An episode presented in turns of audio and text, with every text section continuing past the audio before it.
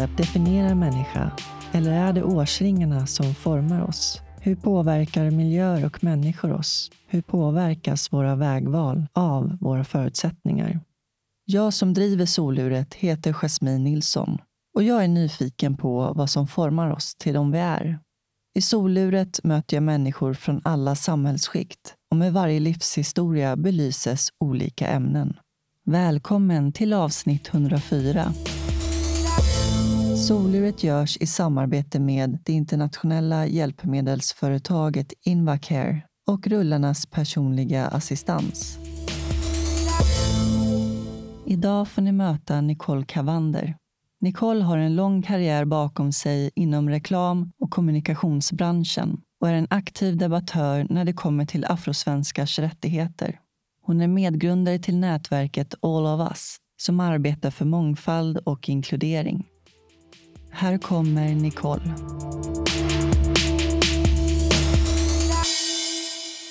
Välkommen till soluret, Nicole. Tack. Hur är läget? Ja, men det, vi pratade lite om det här innan. Det är en väldigt grå dag idag här Ja. i Stockholm. Så att, eh, det sätter väl kanske humöret lite. Eller men, hur? men samtidigt, jo då, ser fram emot våren. Ja.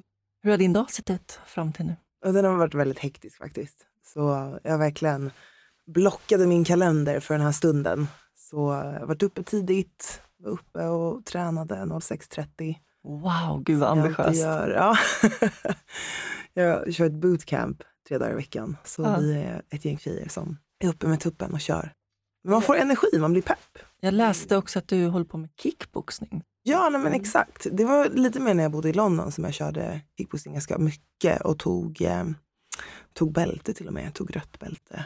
Det var väldigt kul.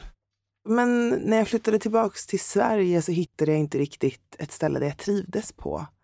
Och köra. Det, var, det är väldigt tävlingsinriktat i själva sporten. Ja. Och jag, jag tävlade inom sport eller inom dans när jag var yngre. Och det är inte riktigt därför jag håller på med det, utan det var mer för att det är kul och liksom Mm. ens välmående. Eh, så då blir det mer att jag fokuserar på styrketräning och så spinning. Mm. spinninginstruktör också. Coolt. Mm. Men vad innebär rött bälte då? Vad är det på graden? Det är väl jag, jag bara säger första- ja, vad coolt. Fast jag Ja. vet inte riktigt. Nej, men det beror lite på vilken sport och sådär. Jag har inte Ja. så jättemycket koll. Det var mest Ja. att det var ett roligt mål att ha. Okej. Så det är det första bältet man kan Mm. ta inom kickboxning och då måste man, då är det liksom en grading. Du måste kunna Okej. vissa saker, du måste ha kontroll, du måste kunna sparras och Mm. lite sådär. Så att, eh, det var en rolig grej. Och I samband med att jag läste det så läste jag också att du eh, bröt höften. Ja, exakt. Ja, nej, men jag har väl alltid varit lite av en otursfågel. Eller det är lite så här, gud vad så sjukt om det där skulle hända så händer det typ mig. Det är verkligen så. Men eh, det var också då när jag bodde i London och eh, jag ramlade i trappor på gymmet och bröt min höft. Ja. Eh, och jag var 25 då, så det var ju väldigt eller liksom ovanligt eller konstigt också att man, man bröt den. Den krossades liksom. Och sen i samband med det så hittade man att jag också hade en bentumör som hade gjort att jag var svagare i höften. Det var därför den bröts när jag ramlade. Okej. Ja, det var en lång resa tillbaka. Så jag var ju en månad på sjukhus, alltså bara först. Först behövde vi göra en biopsi och se hur är det med tumören, hur ska vi operera det på bästa sätt.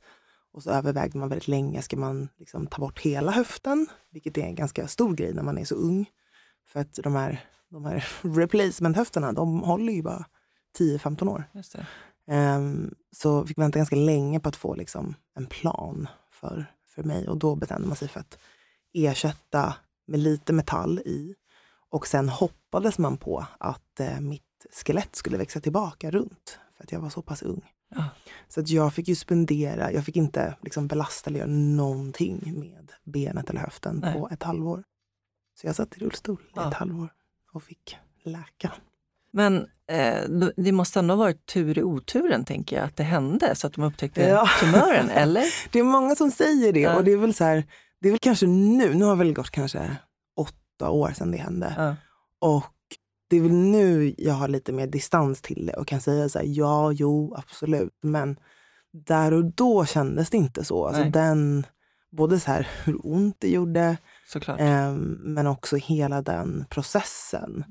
För jag hade gått till Jag kommer inte ihåg om jag gick till läkaren eller liksom, för att jag höll på mycket med sport. Då höll jag på mycket med triathlon, så jag sprang halvmaror och jag hade ont i höften. Så jag hade liksom sökt hjälp för det och de var nej men det är typ lugnt. Mm. Så jag kände väl lite att jag var så här, men man hade kunnat upptäcka det här om man bara hade gjort lite due diligence. så att jag var nog ganska, eller jag var väldigt arg väldigt ja. länge. Jag kände att det var väldigt orättvist mm. att det här skulle hända mig mitt i min prime. Ja, men så jag hade ung, liksom, ja, men ung och så här, börjat nytt jobb. Jag hade mitt första jobb på en reklambyrå. Och så här. Det förstör, eller förstörde. Det var en detour mm. till där jag är nu. Ja, men det förstår jag verkligen. Mm. Men då fick du nya erfarenheter kan man definitivt säga också, hur verkligen. det är att eh, sitta i rullstol. Ja. Och vad det innebär. Och, och med mm. tanke på vad du jobbar med, du jobbar ju med ja. inkludering och mångfald och där fick du ytterligare ett perspektiv i det, tänker mm. jag, som måste vara väldigt värdefullt. Definitivt. Alltså det, jag har väl, man, det är alltid så här, det är jättesvårt att förstå eller ens ha en gnutta eh, insyn i någon annans liv och någon annans perspektiv. Och jag har, som sagt, jag är lite av en otursfågel så jag har haft kryckor till och från mm. tidigare och då har jag väl tänkt nog mer på alltså the mobility. Mer att så här, men det här är typ inte eh, anpassat eller här var det mäckigt att ta sig fram. Det finns ingen hiss. Det var nog mer det jag kanske hade tänkt på innan. Um, men det här blev också ett helt annat lager av alltså hur man... Hur man någon, alltså jag upplevde att människor såg ner på en. Mm. Att man liksom... Antingen att man inte, folk inte ser en, men jag blev så chockad över hur man också inte var accommodating överhuvudtaget. Mm. Att det var liksom, jag minns den första, för att jag, när jag blev utskriven från sjukhuset så var jag tvungen, då bodde jag i en lägenhet med trappor. Jag kunde inte gå i trappor. Så jag tror jag var jag gick inte ut, ut ur lägenheten alls på typ sex veckor. Ah. Eh, förrän min mamma kunde flyga över och så här, hjälpa mig att komma ner. Då minns jag att jag var liksom så taggad. Vet, jag hade byggt upp att liksom, nu ska jag äntligen få gå ut, jag ska vara runt folk, vi skulle bara fika. Och så körde liksom mamma mig i rullstolen och så väntade vi på bussen och det var vinter. Och jag tror att vi fick vänta på bussnummer, alltså den fjärde bussen, mm. tills att vi kunde bli påsläppta. För att först var det, det fullt. Sen var det, oj, nej men hans eh, ramp funkar inte. Oh. Och det var liksom bara gång på gång. Och du vet, man bara satt där och kände sig så förnedrad mm. och liten. Att så här, men jag, jag vill bara åka och fika. Alltså, det är bara det jag vill göra. Och det ska vara ett sånt här projekt. Jag ska behöva sitta här i en halvtimme mm. mitt i vintern och vänta på för att bli påsläppt. Och just den här, så här allas blickar och de tittar på en och nästan så här, tycker synd om en. Och det är bara så här, nej. Det, är, det var en riktig, riktig ögonöppnare. Ja. Det var verkligen det. Att, så det, är så många, det är så mycket mer. Det är inte bara de här fyrkantiga parametrarna nej. som är jobbiga. Inte bara de praktiska. Exakt, exakt. Utan det är verkligen, det är som att du inte är en person längre. Mm. Och då man skulle in i butiker och så var det, oj, oj, oj, nej, men vad jobbigt, vad ska du in här? Man eh, upplever som att man är en belastning för allt och alla. Verkligen. Just för att eh, samhället inte är anpassat eh, och tillgängligt för alla. Exakt. Och då kommer det hinder på vägen mm. och då blir det ett problem och då känner man sig som ett problem och en belastning. Ja. Och så ska man lära sig att be om hjälp och allt det där. Ja. Det, mm. och ibland kan det väl också bli jag kunde uppleva att folk försökte säga så här, men du behöver inte vara så stolt. Det är okej att be om hjälp. Och å ena sidan absolut, men det, jag tror också man måste ha förståelse för att det är en ganska stor omställning helt plötsligt att behöva be om hjälp för att göra allt. Att så här, du upplever att du är en belastning. bara så här, mm. Ursäkta, jag skulle vilja duscha, kan jag få hjälp? Alltså det, det är dränerande. Ja, väldigt. Det tar väldigt mycket liksom energi. Och, ja. Men sen också just i ja, men hur man är i relation till resten av samhället. Att det liksom, varenda sak du vill göra kräver en enorm planering på ett helt oh, annat ja. sätt. Oh, ja. För att folk verkligen ska förstå på riktigt. Ja, men det är så här, gå i någon annans skor. Eller, mm. Jag brukar säga att man, man skulle behöva sitta i någon annans rullstol för mm. att förstå vad det innebär att ta sig fram i samhället som mm. rullstolsburen. Ja. Och jag önskar att alla politiker skulle göra det, inte bara en dag, utan mm. testa en vecka. Ja, nej men verkligen. Eh, det... För att fatta det är liksom inte en så rolig aktivitet. Utan så, tro mig, dag tre, dag fem, alltså det, det är en helt annan sak. Och det, just de där, det jag kanske minns mest nu när jag ser tillbaka, det är just de där blickarna. Alltså just alltid få de där blickarna. Att liksom antingen oj stackars dig, oj vad konstig du är, typ. Eller varför sitter du där? Och, men det har verkligen fått mig att tänka på, alltså på alla sätt, om vi ska tänka liksom olika diskrimineringsgrunder eller sådär. Mm. Och hur man faktiskt kan vara, det kan krävas så små saker för att faktiskt vara inkluderande. Ja. Men det gör att jag tänker på, men som när vi skulle köpa kaffe. Mm. Varför är den där skylten så jäkla högt upp? Ja. Alltså den var ju högt upp bara för mig som står upp och ska titta. Alltså, bara så här, de här små nyanserna Mm. så kan göra så stor skillnad. Ja, men det blir att jag har blivit mycket mer mindful. Och på samma sätt som jag alltid säger när jag ska tilltala en grupp, så säger jag hej gänget. Inte hej grabbar, hej tjejer. Ehm, och jag tänker på det också när man säger nu ska vi stand up and give a big applause. Alltså bara sådana grejer. Det är så Det- små nyanser men det kan verkligen det kan få en person att känna sig så enormt exkluderad. Mm. Och det krävs så lite av mig och andra att eh, tänka på det. Ja, och det, det som är hemskt också, jag som har använt rullstol nu i 23 år, tror jag är. Man vänjer sig. Mm. Och man nästan normaliserar hur folk ser på en. Mm. Vilket också är skrämmande. Jag menar, men i början, jag var tonåring, så det var en jättekänslig ålder att liksom hamna i rullstol. Ehm, och då upplevde jag som att alla tittade på mig hela Mm. tiden och jag tyckte det var så jobbigt. Och, och det här med att man pratar över huvudet. Eh, för att av någon anledning så tror människor att man tappar talförmågan Exakt. när man hamnar i rullstol. Jag då som lever med personlig assistans och har någon med mig så vart det att man pratade till assistenten och så så vidare. konstigt. Men sen var jag tvungen att bli stark i min identitet, Mm. ta mer plats, eh, vara väldigt tydlig, prata högt Mm. så att folk förstår att det är, det är mig man ska tilltala och så vidare. Sen landar man i någon slags acceptans i det, Mm. tyvärr, för att det är så det är. Mm. Så idag märker jag inte det alls på samma sätt. Jag kan gå med en kompis på stan och så påpekar min vän att men såg du inte mycket den eller den kollade och gud vad irriterande. Och så här. Jag bara, nej jag ser inte sånt längre. Mm. För jag har stängt av. Man det. måste. Det är en överlevnadsinstinkt. Ja. Liksom. Alltså det är, precis som du säger, man, alla de här olika formerna av Mm. antingen em, fördomar eller mikroaggressioner. Det är, annars överlever man inte. Nej. Men, men det betyder inte att det är okej. Och det är väl lite det, just nu pendlar jag mellan att bara, jag ballar inte till, nej men vad fan. Så här ska det faktiskt inte vara. Jag tycker inte att vi 2023 ska behöva ta vissa av de här Nej. sakerna längre. Nej. Du jobbar ju mycket med de här frågorna. Mm, Du har lång erfarenhet inom kommunikation, precis. kommunikationsstrateg. Mm. Vad betyder det? Vad gör en sån? Jäkligt bra fråga. tror ingen i min familj vet vad det är jag egentligen gör. Um, nej men delvis så har jag jobbat väldigt länge med jag började min karriär i London, eh, på byrå där. Allt ifrån liksom att projektleda och stötta varumärken eller företag med sin kommunikation, rent krasst. Eh, men som strateg handlar det för mig oftast om någon sorts förflyttning.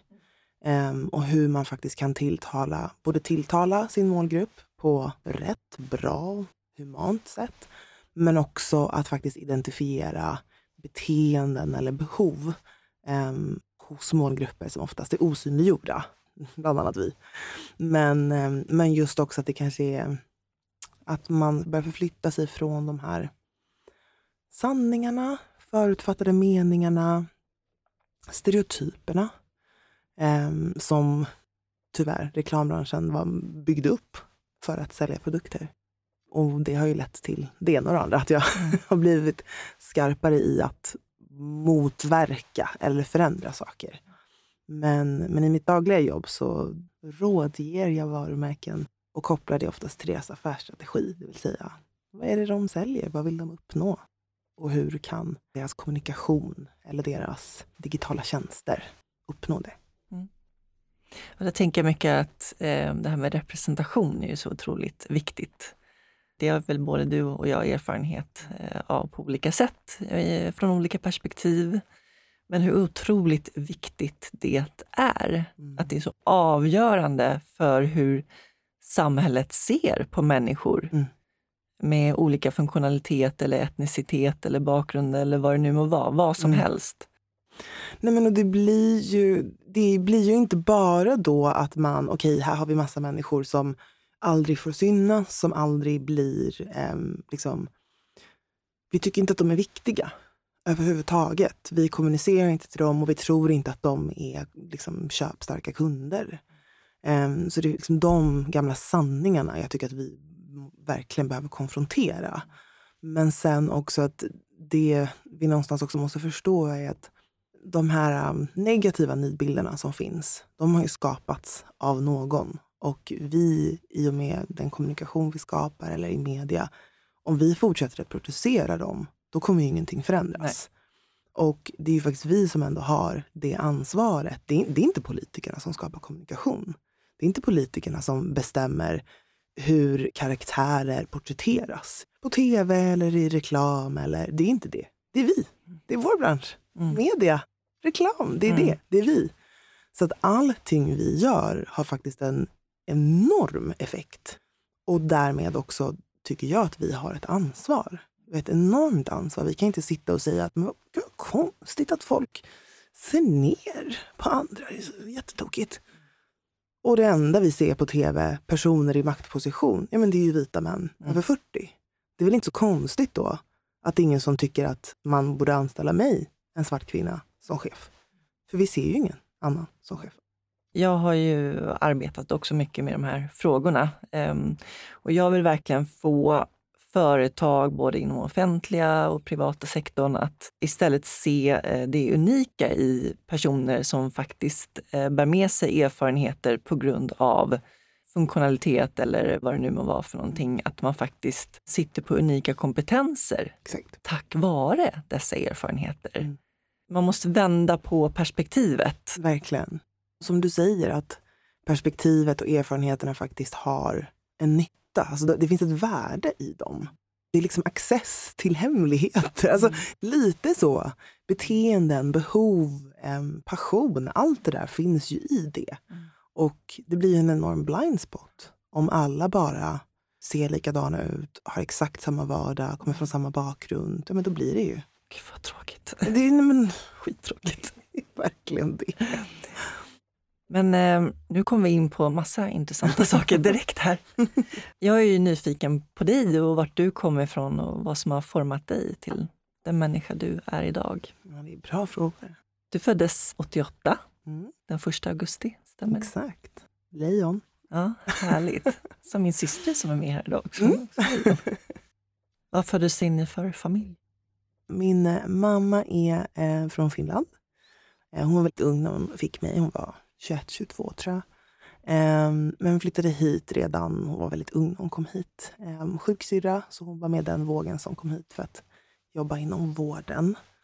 Och min pappa var från Uganda. Han eh, kom hit typ 86 eller något sånt där. Och på vägen hade han studerat i vad som var Sovjet. De hade något sorts program med Uganda. Det var väldigt mycket studenter som åkte till Sovjet, eh, till Moskva och pluggade. Okay. Så mm, det är mina föräldrar. Jag är första barnet av andra kullen. Så min pappa har två barn sedan innan. Mm. Så mina storasyskon, en storasyster och storebror. Och sen är jag först då av resterande tre. Så det är jag och sen en lillebror och en lillasyster. Jag gick på finsk förskola ute i eh, Vårby gård, där vi bodde då. Och sen så gick jag i Johannesskolan, som är en engelsk skola inne i Stockholm. Det var innan Engelska skolan fanns. Jag bara, så gammal är jag! Jag kommer ihåg när Engelska skolan öppnade precis mitt emot. Ja, Eh, Men det, på den tiden var det liksom den första som hade... vad roligt. Engelska. Jag är född 83 och jag gick första året på Johannesskolan. Är det sant? Vi bodde på Lappis, Ja! så jag tog bussen från Lappis till Ja, gud, jag var alltid så avis på de som, som tog skolbussen. Jag bara, det är så coolt att få en skolbuss. Men eh, ja, roligt. Jättebra skola, väldigt Ja. disciplinerad. Så det var ju väldigt mycket mer så här, alltså, brittisk, så här, amerikanska regler jämfört med vad jag har hört de som gick på andra skolor. Hur var du som liten? Och jag bara, exakt som jag är nu. Jag var väldigt eh, extremt envis. Eh, men väldigt social och glad. Och, eller så här, vill lära känna folk. Men fortfarande, vad jag fått beskrivet, så var det väldigt så här, alltså it's my way eller inte alls. Men jag var aldrig en sån, jag gjorde liksom inte en scen eller någonting. Eller jag började inte skrika eller sådär, utan jag då surade. Jag surade så mycket, och så här länge. Jag liksom held a grudge. Det kunde vara flera timmar. Men jag var, jag var liksom tyst about it. Men jag var så, jag ska visa att jag inte gillade det här. Och ja, men väldigt aktiv. Har alltid liksom hållit på med massa olika aktiviteter. Har ofta haft väldigt mycket kompisar och så här. Ja, men också lite, jag tror, alltså, lillgammal kanske är fel ord, men jag var alltid väldigt, jag var lite så före min tid. Redan som barn. Att så här, jag tyckte inte det var kul att leka med barn. Då ville jag ju hänga med de äldre. Eller så här, på middagar, familj, då ville inte jag sitta på vid barnbordet. Jag skulle sitta med de vuxna. Så kunde jag säga, nu ska jag läsa upp en novell som jag har skrivit. Eller så här, nu måste alla titta för nu har jag en dansuppvisning här. Eller så här, kunde skriva manus och bara, nu har vi en teaterpjäs här. Och så fick alla liksom barnroller. Och så här, väldigt så. Projektledare. Ja, men styrde upp the entertainment. Um, mycket så, men verkligen när jag ser tillbaka kan jag vara lite så här, men oj, varför var du inte bara i det? Eller så här, men det var alltid som, jag ville bara, jag ville framåt, nästa. Ja. Jag såg alltid fram emot, så här, men jag är där, när jag är äldre, när jag gör det. Och det gjorde ju också att jag hade mycket äldre vänner. Um, för att jag kände liksom att det hände roligare saker där. Mm. Lite mer intellektuellt utbyte. Typ. Ja, mycket drivkraft. Mm, exakt. Och väldigt så här, ja, men satte så här galna mål. Jag, var, jag tror typ när jag gick i fyran eller femman så vann jag ett pris typ i Stockholm för att jag hade läst mest böcker. Jag hade läst typ 300 böcker på en termin. Oj, är det att, så? Men jag är lite så, så här, om det är en tävling, jag bara, nu ja. Alltså jag blir det började redan då. Det spelar liksom ingen roll vad det är. Sen tävlade jag i dans, och liksom, men det är väldigt så här, när jag bestämmer att vänta, man kan vara bäst på någonting. Ja, då, då kör jag. Vad var det för böcker då, framförallt som, som du men läste? Men det var allt ifrån så, Maria Gripe till de här Fan, det var ju några böcker med de här tvillingarna. Just det. Kommer du ihåg ja, dem? Ja, det och det var ju så lång serie, de var skitkända. Men det var så många av dem, men så tog de slut. Så bara, okay, vad ska jag läsa nu? Men så gamla böcker till typ Stephen King. Alltså så började jag läsa på engelska för att jag bara, men nu är jag uttråkad, jag behöver en ny utmaning. Ja. Så det, väl, det var väldigt brett. Och bara så här, men gud att jag läste det här när jag Eller? var typ så elva. Jag bara, gud vad mörkt. vad läskigt. Det här är så här vuxenböcker. Men, ja. Och sen såklart Harry Potter. Jag är ja. ett väldigt, väldigt stort Harry Potter-fan. Okay. Många intressen låter det som. Ja. Att, att liksom, du ville väldigt mycket. Ville göra mycket. Ja, ja men högpresterande ja. kan man nog beskriva att jag var väldigt tidigt. Och idag. Är det bra eller dåligt då? Jo men på ett sätt bra för att det, som du säger, det finns en drivkraft. Det händer någonting, det är resultat och så här, jag har kul. Men å andra sidan är det ju det är ett recept på att bli utbränd. Mm. Så det är ju lite den, för att jag alltid har satt väldigt höga krav i all, på alla områden mm. av mitt liv. När jag var typ, när jag skulle gå ut högstadiet, då hade jag liksom magsår. För jag hade stressat så mycket för att jag skulle, vara, jag skulle ha toppbetyg. Alltså, mm. Så att det är på gott och ont. Men jag har verkligen fått öva på, försöka, försöka hitta balans. Ja. Jag har inte svaret så om någon som har det så får ni jättegärna höra av er. Men det är intressant också med prestation, just om jag utgår från mig själv med funktionsnedsättning så har jag känt att på grund av den så måste jag vara bättre än alla andra. Liksom. Eh, och presterande och man måste hela tiden vara det där lilla extra ja. på något sätt. För att bevisa både för andra och för sig själv. Mm. Nej men verkligen. Jag, det är också något jag jobbat på i terapi definitivt. Ja. Nej men just hitta den där stunden. Jag kunde liksom pinpointa den dagen när jag gick typ i första klass. Ja, och jag fick beröm för min läsning och hur jag fick hoppa upp och läsa typ årskurs tres böcker för att mm. jag läste så snabbt och jag var så duktig. Mm. Så att just den där stämpeln av duktig flicka blev något sorts... Det, det är liksom en verifikation på att jag jag tillhör. Att jag faktiskt har en plats. Oavsett. Liksom. In, aldrig känt det liksom i min så här, vän, vänskapskrets eller i familjen. Men för övrigt, liksom i samhället, i skolan, på jobbet så är det så här, men jag måste ju vara bäst och lite till. Bara för att outshina, jag måste ha lite extra luft. Som typ Usain Bolt. Att så här, ni ser att det bara, han vann ju supertydligt. Ja, Typ så precis. måste det vara i allt jag Mm. gör. Det, är- det är ju höga krav på sig själv Ja. också. Att, eh, att känna det. Ja. Men alltså, du växte upp i mångkulturell familj. Mm. Och dina vänner och ditt umgänge och så. Jag tänker Johannesskolan, det var väl också mångfald där? Ja, gud ja. Det blev väl också en liten, så här, what the hell, vad har jag levt i för värld typ? Mm. För det var liksom blandade språk och just framförallt tror jag, det är inte bara att så här, det är mångfald utan då i mitt fall så var det en spegling också av mitt hem. Att så här, jag har ju en gigantisk eh, liksom, Ugandan släkt och en jättestor finsk släkt och alla bara ses och det är liksom en härlig mix. Och när jag gick hem till vänner så är det så här, ja men det är persisk mat där och det är polsk mat här. Alltså det var alltid det i min vardag. Mm. Men desto äldre jag blev, desto mer kom jag bort ifrån det. Och Ja. bara, huh, va? Jag trodde det var så här det var. Tills att när jag då gick i gymnasiet, jag gick ju på Östra Real, Mm.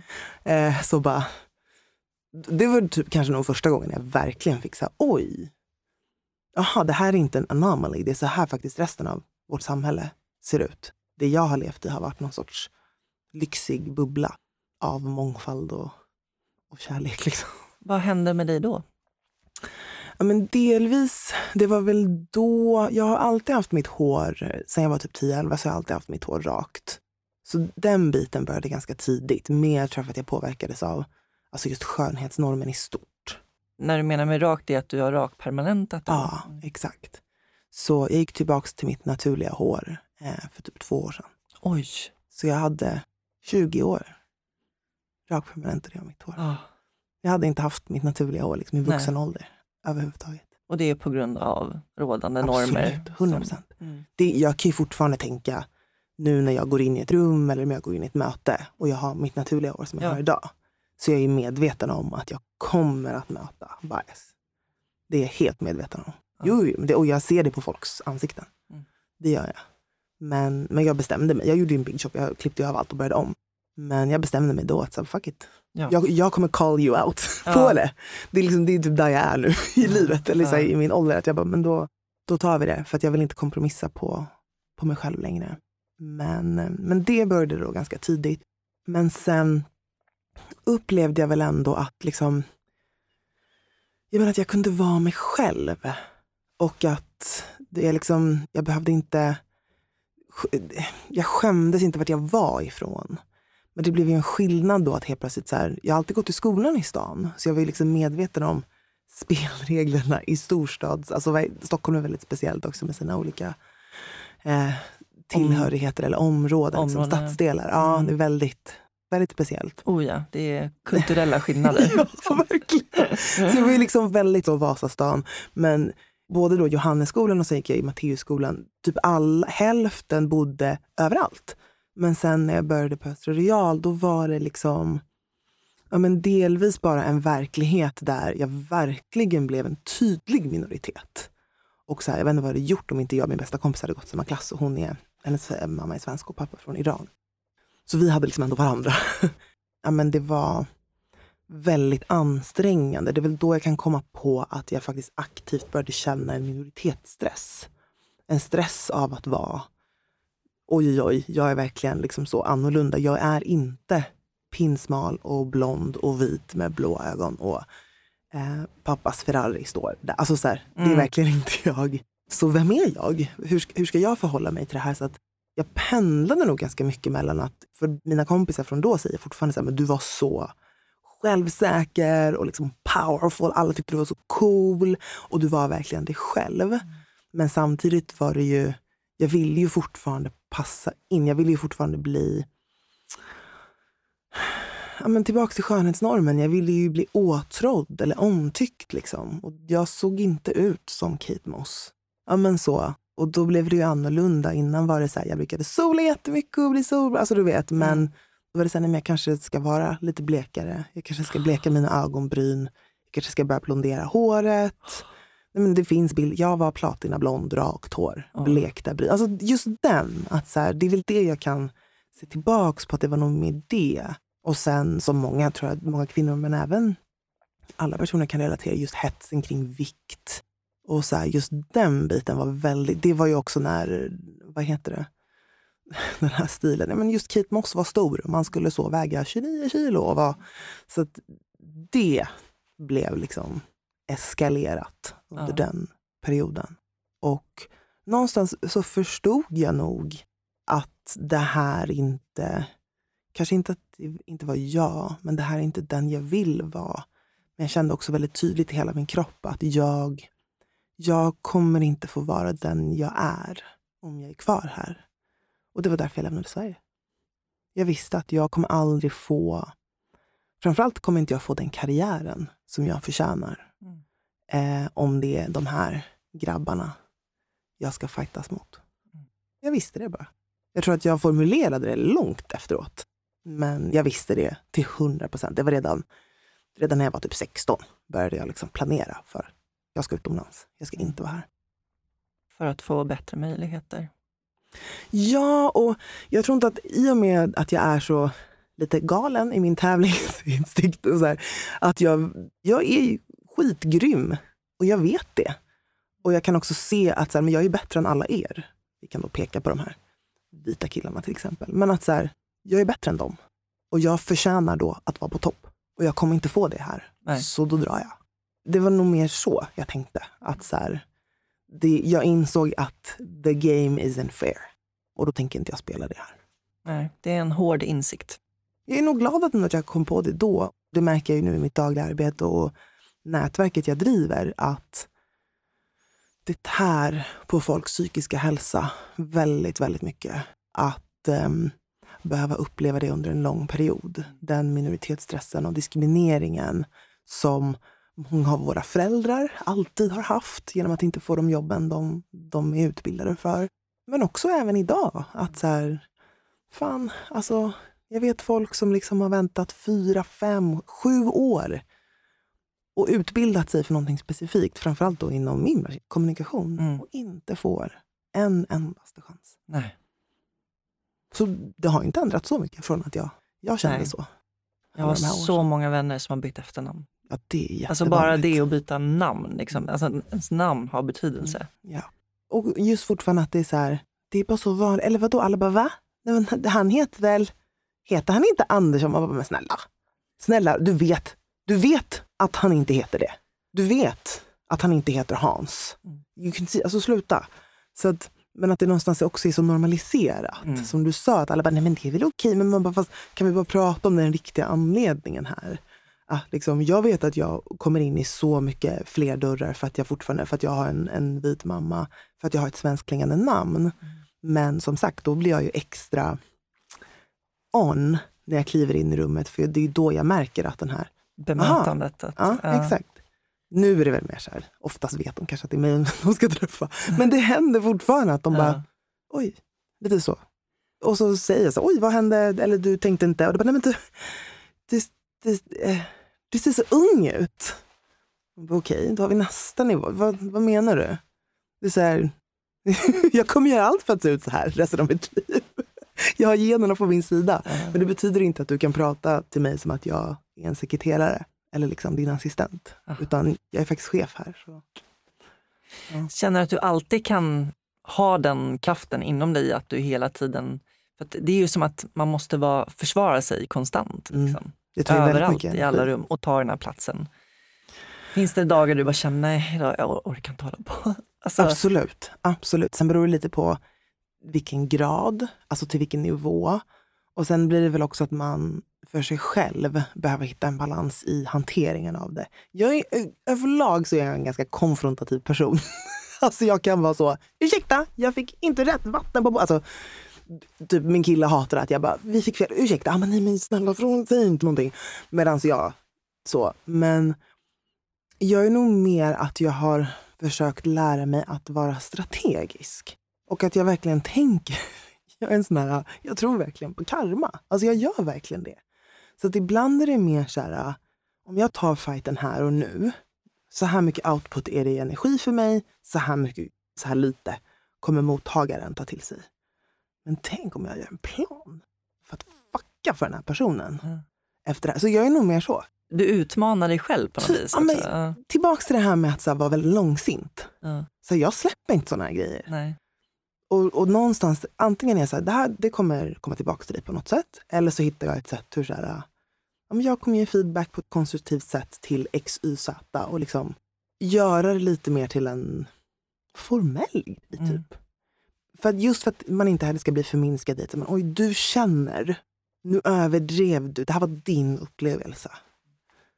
Så där har jag, jobbar jag verkligen på att så här, hantera det, men också få göra någon sorts konstruktiv output Mm. i att bara så här, "Huh, I'm gonna get you. Alltså, nej, ja. Ja, och där kommer Hämnd. tävlingsinstinkten Ja, in, ja, alltså. ja. Hämnden är ju, den är Ja. verkligen, den är helt fantastisk. Alltså. Topp tre är det bästa vi har. Nu tar vi en kort paus och ringer upp min samarbetspartner Invacare. Invacare, Stina Dahlbäck. Hej Stina, det är Jasmine från Soluret här. Hej Jasmine. Hej, hur är läget? Jag tycker att det är bra. Solen skiner så det känns ju upplyftande med lite D-vitamin. Ja, eller hur? Äntligen så känns det som att våren är på väg på riktigt. Ja, helt klart. Vad gör du för någonting på Invacare? Jag jobbar som produktchef för sittdynor, madrasser och ryggsystem. Och eh, jag är även utbildningschef och ansvarar för alla våra utbildningar som vi har på Invacare. Jag har ju nyligen fått testa en sån här allround-dyna från er. Ja, det här är en produkt som eh, Vicare har tagit fram för många herrans år sedan. Och eh, den heter Allrounder för den är tänkt att man ska kunna använda den i många olika situationer.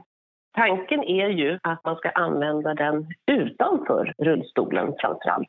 Just det. Den satt jättebra på mig, finns ju i olika storlekar. Och det första jag tänkte på när du berättade om den här dynan, det var ju att det skulle behövas till exempel när jag flyger. För eh, det är ju många förflyttningsmoment där när man ska ta sig in i flygplanet. Mm. Alla de här momenten är ju verkligen en, en risk för att man ska få ett trycksår eller märke av något slag. Så att ehm, för mig så tror jag att det skulle vara perfekt i de lägena framför allt. Och då skulle jag känna mig mycket säkrare och tryggare med en allround-dyna. Ja, det låter ju som en perfekt lösning. Man kan tänka sig att det ser ut som en byxa som man sätter på sig. Och sen har man ett midbälte som man knäpper runt eh, magen. Och sen så har man då också luftceller i botten. Och eh, luftcellerna är ju tänkt nu då för att skydda vävnaden så att man undviker skador.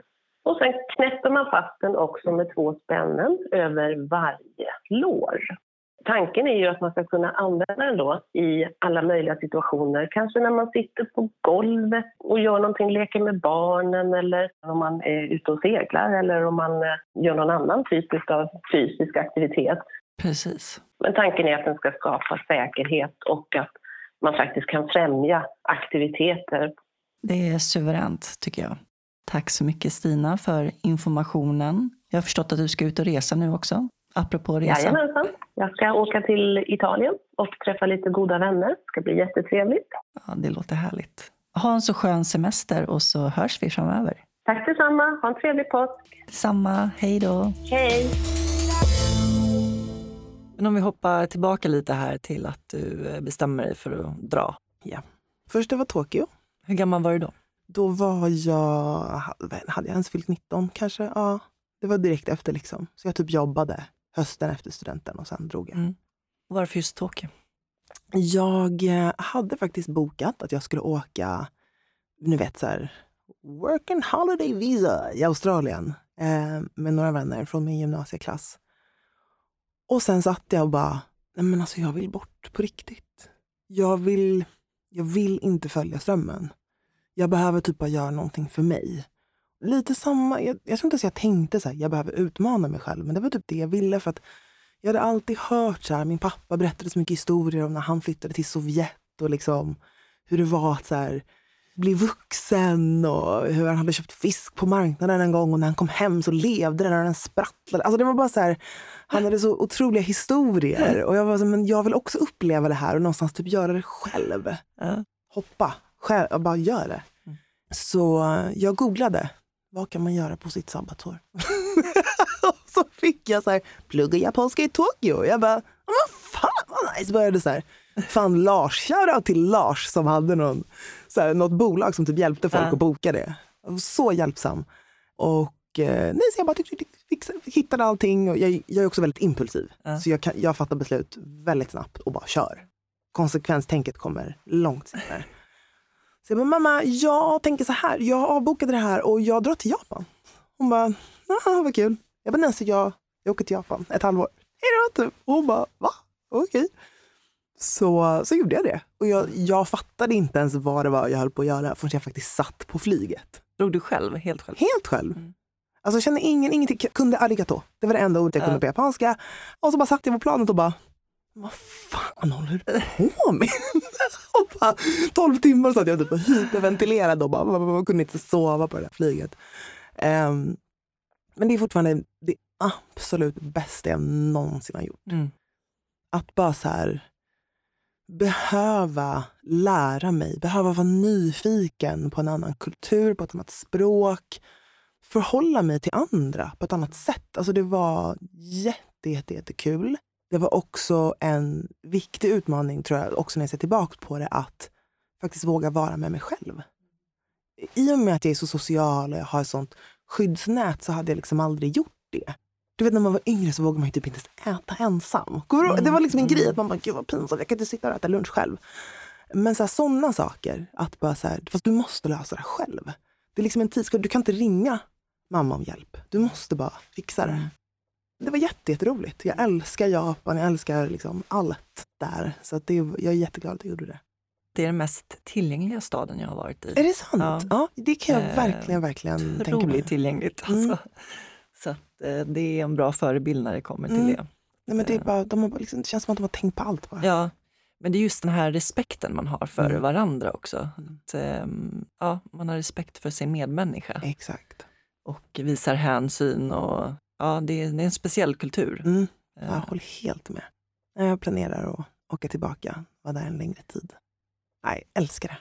Love it. Det var första stoppet. Andra stoppet var Paris. Ja. Och då pluggade jag franska på Sorbonne. Um, det var väl raka motsatsen till det jag hade i Tokyo. Då var det så otroligt mycket svenskar. så, och då, det var lite svårare att komma ur den bubblan faktiskt. Men så vi hade skitkul, jätteroligt gäng.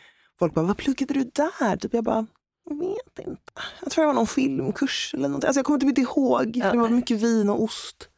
Oftast. Men verkligen det man behövde. Det var nog mer så här, wow, vilket så här, ha, festa, kul. Titta på konst, sitta i, typ utanför Eiffeltornet. Och, ja. Men då hade jag ju otur, då blev jag ju påkörd av en bil och, och bröt foten. Ah, Eh, så alltså. det var väl också lite kryckor och, och sjukhus Ja. och så. Men det gick bra. Och då så, för jag fick inte, jag hade ju gips, så fick jag inte flyga hem. Nej. Det här var liksom verkligen i slutet på, jag var där ett halvår också. Och så min familj bilade ner och hämtade mig. Så gick vi liksom till Disneyland och så, här, och så bilade vi hem. Så det var, ju- det var ändå en mysig familjegrej. Jag hade nog stannat i Paris faktiskt om det inte var så att jag kom in på universitet då. Eh, och att vi hade en deal, jag och mina föräldrar, att max två sabbatsår. Så, så annars hade jag nog stannat där ett tag Mm. till. Men då, då var det liksom direkt efter den sommaren då, så flyttade jag till London och började på universitet. Okej, och där blev du kvar ett tag? Mm, sju år. Oj, så pass. Så där tog jag min utbildning. Jag har en bachelors in business. Min första inriktning var faktiskt um, international business. Då hade jag fortfarande drömmar om att jobba på FN eller något sånt där. Och sen efter första året så hade jag, eller under första året så hade jag en professor som bara, alltså du skulle passa så bra inom marketing, men framförallt inom reklam. Och jag bara, va? Hon bara, alltså ni tror mig, du, du är helt rätt. Du är verkligen rätt person för det. Så hon fick mig då att byta, så jag bytte min inriktning till marknadsföring. Och hon nominerade mig så att, och sen blev jag då utvald till, ehm, det finns något som heter IDM i England, eller UK, som heter Institute of Direct and Digital Marketing. Det är väl lite så här, det finns inga reklamskolor utomlands på samma sätt. Vi har ju Bergs School of Communication här. Så finns det typ eh, en i Miami. Men annars finns inte den typen av skolor. Inte ens som Hyper Island. Nähä. men de gör, IDM, de gör liksom kurser som man kan ta för att vidareutbilda sig för sådana här Mm. saker. Men de har då en lista på topp 30 graduates som eh, de anser är framtiden inom marketing och, och reklam. Så blev jag vald. Coolt. Ja, ja Vad jättekul. häftigt. Det var en superrolig grej och då hade vi som ett bootcamp hela den sommaren där vi fick ja, men så här, snabbspolat lära oss hur processen är när man jobbar på byrå.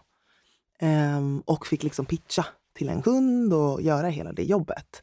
Och så var det också då massa personer från reklambyråer som var där juryn. Och det var då jag blev erbjuden mitt första byråjobb. Och hur var det? Oj, första månaden så ringde jag hem och bara, det är precis som i Mad Men. Det är så coolt. Ehm, på gott och ont. Det var väldigt hektiskt. Det var, men det var lite som i Mad Men. Alltså just, det är det lätt sätt att beskriva det på. Men väldigt hierarkiskt. Det här var fortfarande det var liksom lite av en annan tid. Så att jag fick typ höra på en julfest att så här, fan så jäkla trist, förra året var mycket roligare för då hade vi ju brickor med koks liksom. Det var najsare. Jag bara, Oj. okej. Så det var lite den, lite så annorlunda. Mm. Eh, work hard, play hard mentalitet. Men jag tyckte det var väldigt kul att jobba med så kreativa människor. Det tyckte jag var väldigt roligt. Och att verkligen försöka vara ett team som liksom jobbar gentemot ett gemensamt mål. Men, men kulturen på min, den första byrån var sådär. Mm. Vad tänkte du kring de här erfarenheterna på de olika arbetsplatserna och hur klimatet var? Alltså, den värsta miljön jag egentligen har upplevt, det var faktiskt på en byrå här i Sverige. Här var det nog mer att så här, men arbetsförhållandena, alltså det är ju inte riktigt, det finns ju inget så övertid eller OB eller, men man jobbar mer och längre. Och sen att du också då ska liksom pendla in och så här, så att ditt liv kretsar väldigt mycket kring jobb. Eh, på gott och ont, det är skitkul när man är liksom 26-27 och har all tid i världen. Men svårt ändå att ha balans. Men har du liksom roliga kollegor, ett härligt gäng som jag hade på den andra byrån jag var på. Det var ju fantastiskt. Det var jätte, jättekul. Vi hade så fin samhörighet. Det var verkligen roligt att gå till jobbet. En stor del av reflektionen kontra då London, Sverige är ju just det. Att så här, okej, om du är redo att jobba liksom 8 till 8, eller i alla fall 8 till 6 varje dag. Och så ska du commuta på det, så ska du hinna träna någonstans och så ska du hinna vara social. Alltså, det är ett annat tempo. Ja. Ehm, och till slut kände jag väl det, jag saknade min familj väldigt mycket. Nu har jag varit Mm. borta väldigt länge. Men att så här, nej men vad fan. Om det är någonting nice med Sverige så är det att vi jobbar typ 9 till 15.30. det är typ standard för alla ska ändå hem och hämta barn. Ja. Så vi är liksom mycket mer accommodating. Eh, Medan i London är det verkligen att det spelar ingen roll om du har barn. Ofta så här, kvinnorna som var på högre positioner, då var de anställda på 75 procent. Mm. För du kan inte hålla på sådär. Eh, och jag var bara så här, men ah, det där går. Vad är det för framtid? Men det jag uppskattade där var att det var alltid en väldigt tydlig hierarki. Det var väldigt tydligt, vem har ansvar för vad? Mm. Tydliga rollbeskrivningar. Ja. Bara så här basic grejer. Eh, som jag inte tycker att vi har här. Eh, inte i kommunikationsbranschen. Utan det blir en catch 22 för att man säger att det är högt i tak. Vi har en platt struktur. Alla får komma till tals. Det som händer är att det blir flugornas herre. Den som skriker högst eller liksom Ja, något att det är den som vinner. Och det tycker inte jag om. Och inte heller att det blir någon sorts... Jag tycker att det blir en osäkerhet i vem som egentligen bestämmer. Mm. Vem har egentligen mandat? Vem har veto? Men framförallt, vem tar ansvar? För det var väldigt tydligt. Så här, när jag var account director, jag ansvarar för att det här fuckades upp. Mm. Även om det var X som gjorde det. Det var mitt ansvar. Men så är det ju inte här. Det blir ju väldigt mycket mer, Intressant. väldigt mycket mer internpolitik. Precis som du säger, om man inte vet sitt uppdrag och sin Mm. uppgift, då skapar ju det osäkerhet Ja, hos människor. ja. Och osäkerhet skapar rädsla och så blir det ja, ond spiral. Så det var väl den, den största liksom skillnaden. Men sen Mm. såklart den absolut största skillnaden var ju hur vitt det är. Alltså bristen på representation. Jag var så, vänta, för, va? Nej men det här är ett skämt. Vart är kameran? Typ så. Men så bara, nej det är på riktigt. Ja. Det är alltså alla de här vita männen tycker att de, de ska berätta för oss vad det viktigaste är när vi ska välja tampong. Nej. Nej. Det tycker jag verkligen inte. att de kan. Nej. Ja, det finns mycket att göra. Många perspektiv som måste lyftas och höras. Och ja, vi får kämpa för det här, Ja, eller hur? Exakt. Jag såg ett inslag med dig också på SVT, för det kom en rapport i november 2022. Brottsförebyggande rådet heter det, va? Precis. Eh, angående då diskriminering. Precis, det är delvis den, men just den här rapporten som jag var med och kommenterade på, då handlade det om eh, hur man har kartlagt eh, hatbrott eh, och lustrat dem utifrån vem som blir mest utsatt. Eh, där rapporten visade väldigt tydligt att det är afrosvenskar, det vill säga svarta svenskar, eh, som blir absolut mest eh, utsatta. Och det här är bara baserat på hatbrott som faktiskt har anmälts. Mm. Det är ett ganska stort mörkertal eh, för att eh, man blir oftast inte trodd. Jag har anmält några gånger och det, de tar inget vidare. Och så, här. så det är ingen idé, upplever många. Eh, samma med att kanske gå, jag körde förbi här och såg att DO sitter inte så långt härifrån där vi sitter, eh, diskrimineringsombudsmannen. Och det är lite samma där. Att så här, folk försöker, men det är nästan som att man upplever att man som individ blir motarbetad. Du måste verkligen bevisa att det här har hänt, vilket kan vara väldigt, väldigt svårt i många fall. Men sen är det också energin att göra det. Ja. Alltså att, att leva med den här minoritetsstressen Mm. eh, i sig tar ju så otroligt mycket energi. Mm. Och så ska man då ta det här steget att orka med en byråkratisk process. Mm. Det är ju inte alla som har den orken heller att hålla på. Nej, och just att byråkratin har inte tagit sitt ansvar att utbilda sig heller. Så att det finns begrepp och situationer som de inte ens förstår eller vill förstå. Ehm, jag bara tänker så tänk i en värld där de visste exakt vad minoritetsrätt är. Jag tror inte att det är någon där som vet det. De förstår inte och det, jag brukar göra en liknelse, att det är lite samma som att ifrågasätta en kvinna eller en person som har blivit utsatt för en våldtäkt eller ett våldsbrott Mm. och fråga men varför anmälde hen inte? Nej, men, förstår du att sitta där och bli så otroligt förnedrad och ifrågasätta om det verkligen var det, inte, var det inte du som hade på dig lite för lite kläder? Det är exakt samma sak. Mm. Alltså, är du säker på, den får man ganska ofta, är du säker på att det inte var du som gjorde någonting? Stod jag och var hotfull eller vadå? Just 'cause I'm a black woman eller vadå? Så det blir just den där, så att då ska du hela tiden också skydda dig från de här negativa stereotyperna och så här, och bara, man pallar inte. Nej. Man gör inte det. Kan du ge ett exempel på en av dessa gånger du har anmält? Men den senaste gången var det var någon som hade kastat eh, sten på min bil. Ehm, så att hela liksom, vindrutan eh, gick sönder. Och det var väldigt så här, alltså det kändes obehagligt. Eh, jag polisanmälde direkt. Och så finns det liksom en ruta du ska fylla i i polisanmälan där det står så här, varför tror du att det här hände dig?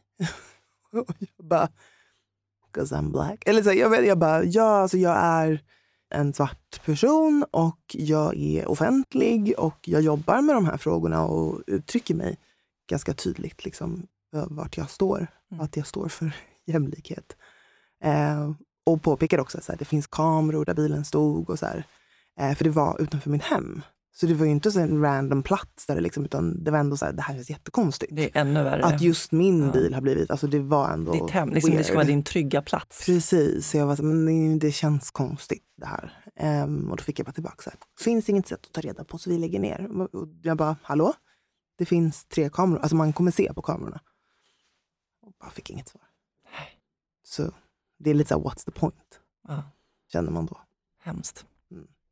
Ehm, du är ju också en av initiativtagarna till ehm, det här öppna brevet, Mm. A call for change, Ja. från afrosvenskar till ledare i de kreativa branscherna. Kan du berätta om det initiativet? ja, det var under pandemin och det var när eh, BLM-rörelsen, Black Lives Matter, fick en, en ny våg. Rörelsen har funnits ganska länge.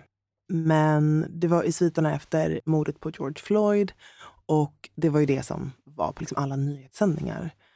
Och man såg många olika organisationer börja poppa upp och prata om så här mänskliga rättigheter såklart och liksom människors rättigheter, framförallt svartars rättigheter.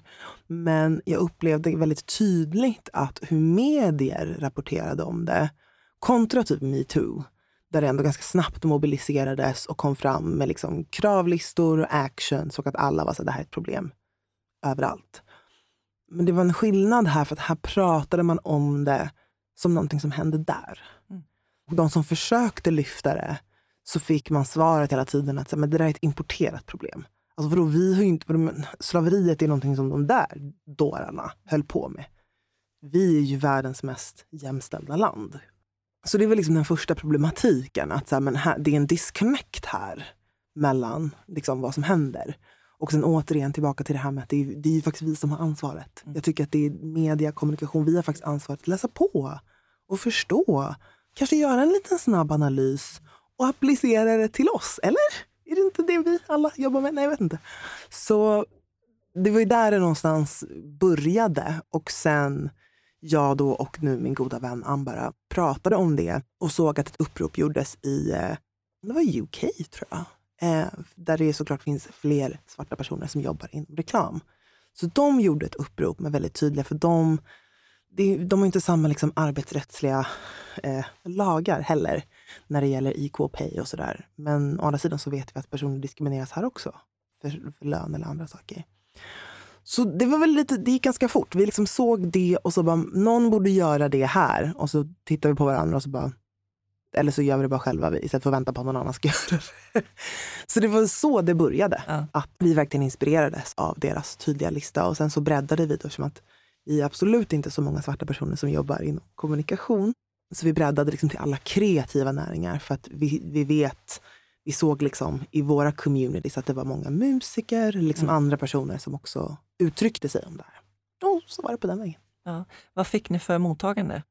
Väldigt bra faktiskt. Det måste jag ändå säga. Det var fint att se att alla branschorganisationer framförallt lyfte det eh, och faktiskt använde vår lista till att börja men, både ändra sina egna policies men också vägleda alltså företag eller medlemmar. Så det, det var ju lite det vi ville. Mm. Um, så det var en positiv respons på det sättet. Media tog upp det och liksom pratade om det. Um, men alltså, som vi sa, chefer, ledare, mm. uh, de gjorde ingenting. Nej. Vad ska vi göra för att ändra på det? ja, jag tror att jag startade något litet så nätverk som mm. jobbar med de här frågorna. Precis, berätta om det. All of us. Så, um, ja, men det, var ju, så det var innan eh, det här uppropet. Mm. 2018 så satt jag och eh, en annan vän, Roshanak, och vi, vi var kollegor på Sveriges största reklambyrå. Där av kanske 250 anställda så var det fem personer som inte var vita. Så att när jag klev in där, det var mitt första jobb när jag flyttade hem från London och fick en, en smärre chock. Så vi hade ju pratat om det här från dag ett och blev liksom bondade över att vi inte är vita. Så bara yay. Men vi hade klagat på det väldigt länge och bara någon borde göra någonting. Och lite samma där, att vi bara tittar på varandra och bara, okay, men vi, vi kanske bara får vara de som gör någonting. Och inspirerades av kreatörskvinnor som var ett initiativ just för att belysa att så här, kvinnorna finns, anställ dem. Um, och det, det, var väl lite där vi tog avstamp i att så här, men vi vill motbevisa. För när vi då frågade varför anställer ni inte fler? Mm. Så var det alltid så att men det finns inga finns inga fler. man bara, jag känner jättemycket folk så det är inte sant. Um, så vi ville motbevisa det. Det är därför vi startade och fortfarande är ett nätverk. Där man kan gå med då man är en person som på något sätt rasifieras, det vill säga man är inte vit. Eh, man har utomnordisk eh, härkomst. Ehm, och verkar eller vill eh, jobba inom, först var det kommunikation, det var där vi började. Men så breddade vi också till alla kreativa näringar. För att många, så här, är du projektledare så kan du ju vara du kan vara på varumärket, du kan vara på ett skivbolag eller på ett klädföretag. Ja. Mm. Så delvis håller vi på liksom med rekrytering och just för att um, vara en brygga för att företag ska kunna få in mer representation. Utan att det ska vara någon sorts välgörenhet. Nej. Utan det här är personer som är skitgrymma på det de ja, gör. Men exakt. Så det här är jättekompetenta personer som, lite som du sa innan också, förmodligen tittar inte du på deras CV för att de har ett utländskt klingande namn. Alltså lite den. Så där började vi och sen så började vi också liksom föreläsa, skriva debattartiklar just också för att vi saknade den här analysen. Den här bryggan mellan, men vad betyder mångfald inkludering för oss? Att så, men det är inte bara att kasta in lite folk och så har du checkat av eller ha någon modell som är lite annorlunda så är du klar. Utan vi har ju ett affärsstrategiskt ansvar. Mm. Vi har ett samhällsspeglande ansvar. Ett normbildande ansvar. Ehm, och på den vägen är det. Alla ska känna sig sedda, Mm. alla ska känna sig välkomna Mm. och känna att man backar varandra Ja, och lyfter varandra. precis. Eller hur? Ja, men det, är- det är verkligen kärnan av det vi Ja. gör. Att det, är, det är nödvändigt, men vår vision är ju att inte behöva finnas. Såklart. Då har vi lyckats. För så här, jag vill bara göra mitt så, byråjobb och leva mitt liv. Ja? Men fram tills dess så kommer Ja. jag liksom kämpa för det här eh, ganska länge. För, för alla oss. Och just att alltså, börjar man inkludera, absolut att själva nätverket är då för personer som rasifieras. Mm. Men att jobbar man för inkludering så gör man ju det för alla. Alltså det är lite den. Mm. Att det, det är en win-win. Ehm, verkligen. Vad innebär det för dig att vara människa? Oj, riktigt existentiell fråga. Det blir väl lite den här um, påverka, drivkraft, um, ambition. Men att jag har nog vetat sedan jag var liten att jag är här av en anledning. Um, även fast jag kanske är en liten plupp i universum. Så Vad gulligt, plupp. Jo men verkligen, så här, jag är så, du vet när man får så existentiella, bara, herregud jag är så Ja. liten och det har gått så lång tid och så, när dinosaurierna var här. Ehm, så tror, hoppas jag, eller jag känner att mitt ansvar som människa är att påverka så mycket jag kan. Mm. Det tycker jag är att vara människa. Att här, kanske hitta sin, sin roll eller sin plats under den här pyttelilla tiden vi har på den Mm. långa tidslinjen. Tror du på ett liv efter detta? Ja. I vilken form? Jag vet inte. Det är lite olika. Mm. jag tror att de som inte finns med oss idag finns här Mm. och är med oss. Men jag vet inte riktigt hur. Men jag känner inte en rädsla för det som kommer efter. Nej. Det gör jag inte. Har du varit nära döden? Och jag bara, kanske när jag blir påkörd av en bil. Mm. Men ehm, jag skulle väl säga att jag har varit nära döden när jag har förlorat någon. Så när min pappa gick bort till exempel. Då kändes det delvis för att det faktiskt var ett dödsfall, en, en bortgång av en nära person. Men upplevelsen, den smärtan, den processen kändes som att dö. Det var som att en del av en dog. Liksom. När gick han bort? Eh, Lite över tio år sedan. Du var ung. Jag var väldigt ung. Mm. Hur gick han bort? Eh, Det var självmord. Gud vad tufft. Ja. Mm. Väldigt tufft. Är det någonting som du förstår? Varför? Jag skulle väl säga 80 procent ja. Idag. Men det gör ju att man... Det, det, det mesta, allt runt liksom, suicid eller självmord, det blir mer... Allting blir ett varför, nästan. Så delvis är det ju liksom en, en förståelse för väldigt mycket som fortfarande går fel, kan jag tycka. Allt ifrån de kraven liksom vi ställer på män till hur vår, vårt vårdsystem faktiskt inte funkar som det ska. Personer som ber om hjälp eller bör få hjälp inte får det. Men sen, just när det handlar om det här att du inte kan... Du, all- jag kommer aldrig få ett svar. Vi kommer aldrig få ett, ett konkret svar. Så blir det mer om att eh, försöka acceptera att fortsätta leva i den ovissheten. Mm. Så det blir både så här ja och nej Mm. Som svar på den frågan. Otroligt eh, svår sorg kan jag tänka mig att leva med. Ja, och det blir väl också lite på tal om det här med perspektiv. Man ser verkligen på saker på ett annat sätt. Mm. Och just det stigmat som finns kring ämnet, men också när, sen när det handlar om psykisk hälsa. Mm. Vi har så otroligt långt fortfarande att gå. När känner du dig fri? När jag sitter på en spinningcykel och när jag står när jag är nära vatten. Gärna så här hav, inte en sjö. Eller typ väldigt så här tropisk miljö. Det var också så här, jag bara tänkte på det när jag åkte till Thailand första gången. Så jag bara, jag känner mig så hemma här. Ja. jag tänkte på att det måste typ vara miljön. Alltså, den här värmen och det här tropiska klimatet. Och det, är- det är nog hem på riktigt. Mm. När känner du dig sårbar? Mm. Men då ska jag faktiskt relatera. Jag, min första tanke var så här, när jag poddar.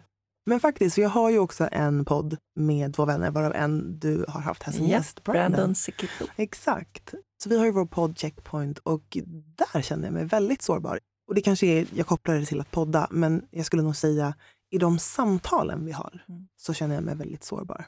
Och där lyfter ni framförallt eh, afrosvenskars perspektiv. Mm, exakt. Vad får ni för respons på den, på podden? Otroligt fin respons. Det är klart att det är lite enstaka troll som eh, tycker att vi är någon så vänsterextrema, jag vet inte. Eh, och jättekonstig feedback. Men de flesta blir, det är en kombination av antingen personer som är så här, gud ni besätter ord på det jag upplever och mitt liv och tack, det här är så viktigt. Det känns som att det är liksom terapi och att jag lyssnar på vänner. Mm. Och andra då personer som inte då kanske är svarta säger det är ögonöppnare men att vi de upplever att innehållet är liksom utbildande men på ett väldigt avväpnande sätt. Eftersom att så här, vi, vi pratar så som vi pratar med varandra. Vi gör oss inte till, vi liksom, det är inte en föreläsning utan vi pratar, det är som att du får tjuvlyssna på samtalet som vi skulle ha eh, när vi bara ses. Så det har varit väldigt fint att höra att, liksom, att det faktiskt ger någonting oavsett vem du är eh, att lyssna på. Mm. Och att vi alla är ju olika. Det är liksom, Brandon är en svart man som är uppfostrad eh, muslim men inte praktiserande. Ambara är praktiserande muslim, svart kvinna. Jag är också svart men också mixad eh, kvinna. Så vi kommer ju från så otroligt olika infallsvinklar och liksom kan dissekera saker som man Mm. inte tänkt på. Men också att det finns en, bara för att man är svart så är inte det heller en homogen grupp. Nej, Och det blir också så intressant att börja dissekera och prata om de sakerna. det. Och det är det jag tror att många inte ens har någon aning om. Typ när vi började prata lite om kolorism och folk bara, vad är det? Och man bara, Mm. nej men det finns då olika nivåer av hur svart du är och du blir behandlad olika beroende på vem du är. Ja. Men det går åt båda hållen och alla bara, vad är det? men det är ju sånt vi pratar om. Ja, men precis. Så ja, det är jättefint att ha det. Vad drömmer du om? Jag drömmer om att vinna på Lotto och bara vara en filantrop. Starta min egen fond. Delvis det, eller så drömmer jag oftast om att hitta den godaste prinsesstårtan. Åh, vart jag sugen på precis. Eller hur? Nej men det är så gott. Nej men det är på riktigt. Det jag har inte så här, det är klart att jag, alltså, men det är typ inte en dröm. Jag ser det som ett mission att så här, skapa jämlikhet i världen. Det är bara ett mission. Mm. Det är liksom inte en dröm. För jag känner som att en dröm kommer inte komma i uppfyllelse. Så jag drömmer på riktigt om sådana saker. Bakelser, drömmer om vilken här, nästa strand jag skulle vilja vara vid. Mest sånt. Ja. Och vad är nästa strand du vill vara vid? Förmodligen kommer det bli någonstans i Medelhavet tror jag i sommar. Men jag har ju blivit, jag är ju på tåget alldeles för sent. Jag älskar ju Thailand jättemycket. Så jag bara, varje gång så jag åka till Thailand. Du kan gå på thaiboxning och bara, det är jättehärligt. Det är så kul att vara där. Ja, så, så ser oftast mina drömmar ut. Eller så drömmer jag fortfarande att jag får mitt brev från Hogwarts. Det är aldrig för sent. Hogwarts, det är bara, ni vet var jag bor. Så. Några antingen eller-frågor? Ja, sure. Kaffe eller te? Jag dricker ju båda jätte- jättemycket. Jag gränsar ju av från typ klockan två eller tre. Ja. Då switchar jag till te. Nej, men då blir det te. Stad eller landsbygd? Stad. Bok eller film? Bok.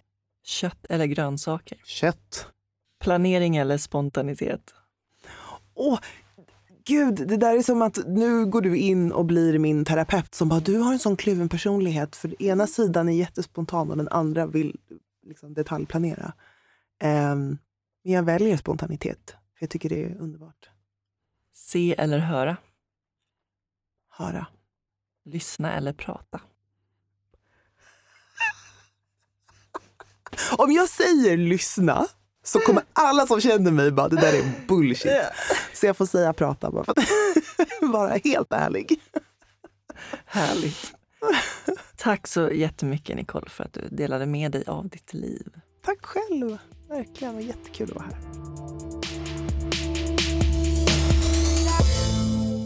Tillsammans kan vi skapa ett mer inkluderande samhälle som representerar alla genom mångfald.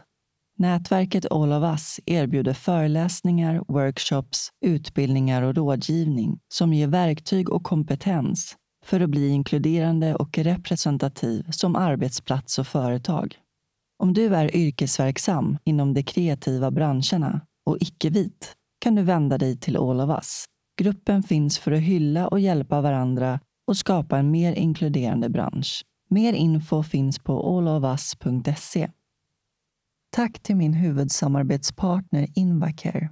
För mer information om Invacare och deras hjälpmedelsprodukter kan du gå in på invacare.se. Och tack till Rullarnas personliga assistans. Rullarnas vision är att man ska kunna leva ett så oberoende liv som möjligt trots sin funktionsnedsättning. Mer information finns på rullarnas.se och ni kan följa dem på Instagram.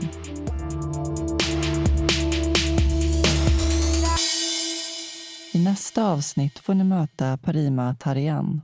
För tio år sedan blev Parima diagnostiserad med retinitis pigmentosa, vilket innebär att hennes syn successivt försämras och idag är hon nästan helt blind. Hon driver webbshoppen Parima H där hon säljer inredning som hon väljer utifrån sina sinnen och föreläser om inkludering och tillgänglighet. Tack så mycket för att ni lyssnade och ta hand om varandra där ute. Puss och kram. Hej då.